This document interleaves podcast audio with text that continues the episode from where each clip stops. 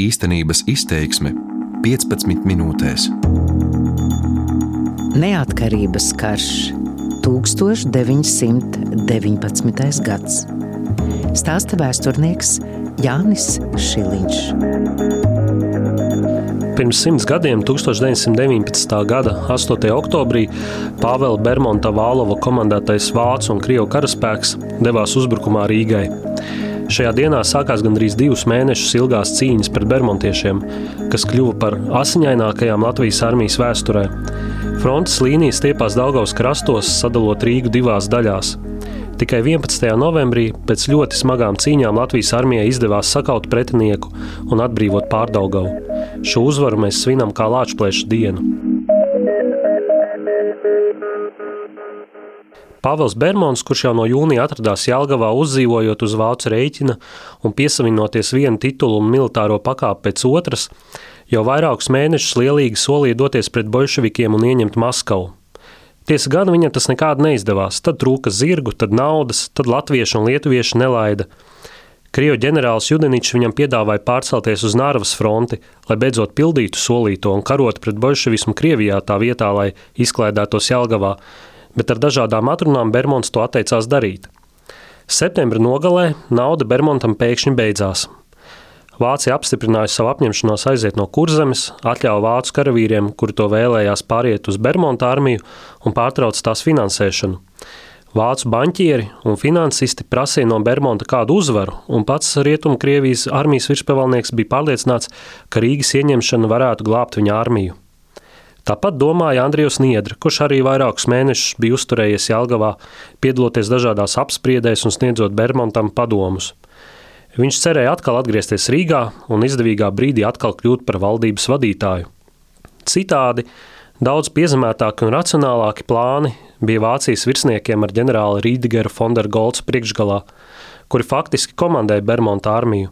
Viņu nodoms bija jau pirmajā uzbrukuma dienā ielenkt un iznīcināt latviešu spēkus pārdaugavā, izveidot stabilu aizsardzības līniju gar Daugavas kreiso krastu un izmantot Rīgu kā tirgošanās objektu ar Antantas lielvalstīm un Latvijas valdību. Ja tirgošanās neizdotos, tad pēc vācu domām, atrodoties pozīcijās pie Daugavas, viņi varētu iegūt laiku, atsist latviešu, un igauņu un varbūt pat poļu uzbrukumus un mierīgi pārlaist ziemu. Par Bermudu uzbrukumu 8. oktobra rītā vēstīja vairākas vācu lidmašīnas, kas nometa bumbas uz Rīgu. Tomēr ne rīdzniekiem, ne Latvijas armijai bermontiešu uzbrukums nebija pārsteigums.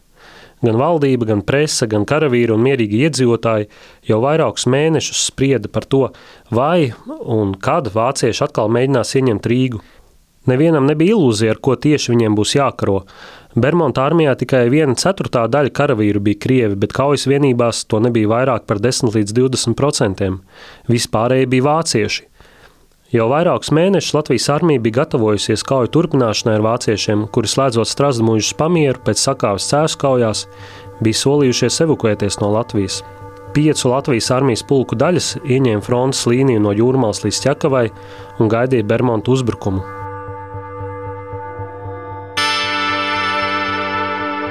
Operdzitātais Maris Svētra atceras, Viņi bija lauzuši Strasbūras līgumu un atkal nāca uz Rīgu, bet kur viņi atradās un ko darījām mēs, lai viņus aizturētu, to neviens nezināja. Tikai vēso rīta gaisu kapāja ložmetējs. Nekad vēl nebija dzirdējis lodes svilpojam, un tik tuvu birstošais ložmetēju tarkšķis mani neveikli satrauca, taču es to nevienam nedrīkstēju teikt arī pats sev nē. Arī citi karavīri staigāja apkārt par miegu nedomādami, un pat mazais priedītis šķita priecājās par gaidāmajiem piedzīvojumiem. Priedītim bija nedaudz pāri 15 gadiem, bet viņš jau visu vasaru bija draugos ar seržantu Timeru, un šī draudzība viņu bija padarījusi par vēla zeli, kas nebaidījās ne no kā. Savukārt Seržants Timers bija lielisks varonības skolotājs, un arī tagad, dzirdot ložmetēju dziesmu, dega kā drudzī. Vēlns šauj, viņš nervos berzēja rokas un ar satrauktu lapatiku klausījās tālajā ložu birumā. Te mierā vairs nevar sēdēt, kaut nu mūs laistu šiem virsū. Kad pienāca pie viņiem ar priedīti un dzirdēju šos vārdus, es sapratu, ka tā nebija nekāda ākstīšanās, un uzbāzīgie ložmetēja šāvieni pēkšņi nelikās vairs bīstami, bet pat vajadzīgi. Kā par brīnumu sadzirdami straujās vēstures soļi, kas pavada Latviju varonības laika jaunekļus. Sežants Timers bija viens no spilgtākajiem varoņiem, kuru neuztrauca vairs ne degvīns, ne sievietes, tikai un vienīgi varonīga nāve. Viņš dzēra degvīnu vairumā, skūpstījās un ārstējās, taču tikai aiz gara laika, kad nebija kauju. Klausoties ložmetējā, viņš mums ar priedīti stāstīja, kā izvairīties no ložmetējā ložu vēdekļa. Par šo laiku operas dziedātājs Maris Vētra ir atstājis šādas atmiņas. Latvijas armija divas dienas sekmīgi atvairīja vācu un krievu uzbrukumus, cīņas kļuva arvien asākas un nežēlīgākas. 8. oktobrī kaujā uz Jelgavas šosejas pie baložu kapiem tika saspridzināts un sadega bruņu automobīlis Lāčplēsis. Gan drīz visa tā apkalpa gāja bojā, tomēr neskatoties uz pretinieku skaitlisko pārspēku, latviešu pulka pat devās pretuzbrukumos un saņēma gūstekņus. Tad pie ieejas vārtiem atskanēja skaļas balsis. Bija ievesti divi vācu gūstekņi, divi jauni zēni manos gados, un mēs gājām tiem pretim. Abiem viņiem bija bāles, satrauktas sejas, viens tikko valdīja asaras, bet otram tās lija nepārtrauktā straumē pār netīro vaigu. Ko nu bimbā, auja zābakus nost, sauc kāds karavīrs. Zēns viņu nesaprata un saņēma smagu sitienu pa pakausi. Ko boli acis, vai tad tu neredzi, ka man pirksti lien caur kurpi purnu, zābakus šurp? Lielām acīm zēns paskatījās savā tirdītājā. Šoreiz viņš saprata, ko no viņa prasa, bet negribēja paklausīt, un tad skaļš sitiens noskanēja uz viņa vaiga. Liels asars atkal parādījās viņa acīs, un tāpat stāvus viņš sāka atšķetināt savu zābaku siksnas. Taisa ātrāk un nebimbā, kam nepalika Faterlandē, tevi šurp neviens nav lūdzis. Arī otram zēnam negāja labāk, un kamēr viņi nonāca štābā, abi bija izģērbti līdz apakšveļai. Labi tas nebija. Mūsu virsnieki bija pārskaitušies un solījās mūs sodīt, bet šiem zēniem taču vairs nevajadzēja siltu drēbju. Sekmīgu aizstāvēšanos Rīgas pievārtē 9. oktobra vakarā pārtrauca baumas par pretinieku izlaušanos latviešu kreisajā spārnā un strauju tuvošanos Daugavas tiltiem. Šo informāciju nebija iespējams ātri pārbaudīt, un pulkvedis Jorģis Zemitāns, kurš vadīja Rīgas aizstāvēšanu, deva pavēli par tūlītēju atkāpšanos. Sakojot tā laika kara vešanas praksē, kas centās izvairīties no kaujām pilsētā, par jauno aizstāvēšanas līniju viņš noteica Juglas pozīcijas. Līdz ar to Latvijas armijai bija jāpamet Rīga.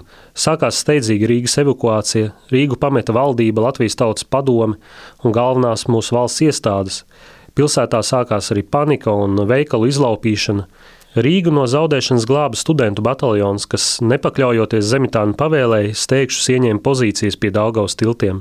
Šis bataljons bija steigā saformēta brīvprātīgo vienība, kurā pāris dienās bija iesaistījušies simtiem valsts un kultūras iestāžu darbinieku, studentu, skolnieku un citu brīvprātīgo.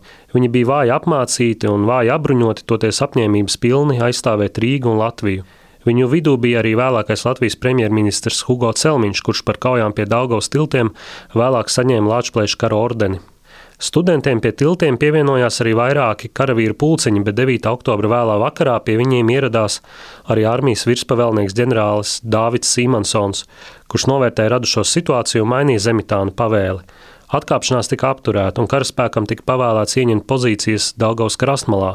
Visas Latvijas armijas vienības līdz 7.00 no rīta organizēti bija atkāpušās pāri tiltiem. Pēc divām stundām parādījās arī pirmās pretinieka bruņu mašīnas, kuras ar uguni tika padzītas. 10. oktobrī ap 3.00 naktī Rīgā ieradās arī divi igauņu bruņu vilcieni, kuri negaidot augstākās virspavēlniecības pavēles, bija steigušies palīgā latviešiem. Viņu militārais un morālais atbalsts pirmajās Rīgas aizstāvēšanas dienās bija ļoti svarīgs. Latvijas Tautas padomas deputāts Feliks Cielēns. Nakts gāja uz rīta pusi, kad mūsu vilciens lēni un klusu ieripoja Rīgas galvenajā stacijā. Tikko bijām izkāpuši no vagona, pēkšņi atskanēja pavisam tuvu apdulinoši grāvieni, un pie stacijas dežurējošā virsnieka noskaidroja, ka Igaunijas bruņotais vilciens, kas nesen pienācis, raidos pārdāgo pret bermontiešiem pirmos artērijas lādiņus. No šī virsnieka vēl dabūja zināt, ka ienaidnieka uzbrukuma briesmas Rīgai nu ir pāri, jo latviešu armijas vienības stingri sargā tiltu galus un Daugavu. Mūsējie turoties tik labi, ka vācieši Daugavai pāri netikšot. Ļoti pašapzinīgi skanēja šie jaunā virsnieka vārdi, un man tie iedvesa pilnīgu uzticību un gluži mierīgs no stacijas iesoļoju Rīgas draudīgajā tumsā. No dzelzceļa tilta puses skaidri bija sadzirdams ložmetēju tarkšķis. Stacijā atkal iedārdējās Igaunija bruņotā vilciena lielgabali, un it kā tiem atbildot pārdagavā iedimdējās ienaidnieka artilērija un pilsētā vietām krita granātas. Lielajā namā Valdemāra un Elizabetes ielas stūrī, armijas štābā un kara ministrijas nometnē, pie kuras durvīm naktī iepriekš redzēju steidzīgi skrejam karavīrus, kas meta automobīļos papīru aktis, tagad valdīja pilnīga kārtība. Bermontiešu pēkšņais uzbrukums Rīgai neizraisīja latviešu tautā panikas noskaņas, taisn otrādi. Vienā mirklī sabangojās visa tauta aktīvā pretestībā un vienotā gribā uzvarēt. Latvieši saprata, ja uzvarēs melnie spēki, nebūs ne nacionālās vienotības, ne politiskās brīvības. Visas partijas un visi sabiedriskie slāņi nu vienprātīgi pulcējās ap savu valsti un savu armiju, jo sajūta, ka nācijas liktenis ir Nacionālās armijas rokās.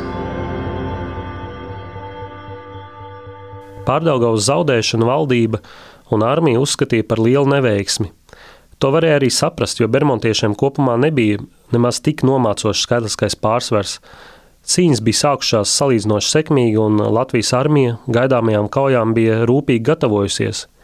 Piedzīvotajā neveiksmē vainoja gan pulkvedis Zemitānu, gan Latvijas armijas virspavēlnieku ģenerāli Simonsonu, gan sastā Rīgas kājnieku pulka komandieru pulkvedi Šmitu, kurš nebija pārbaudījis pārspīlētās baumas par bermontiešu panākumiem un aizsācis paniku.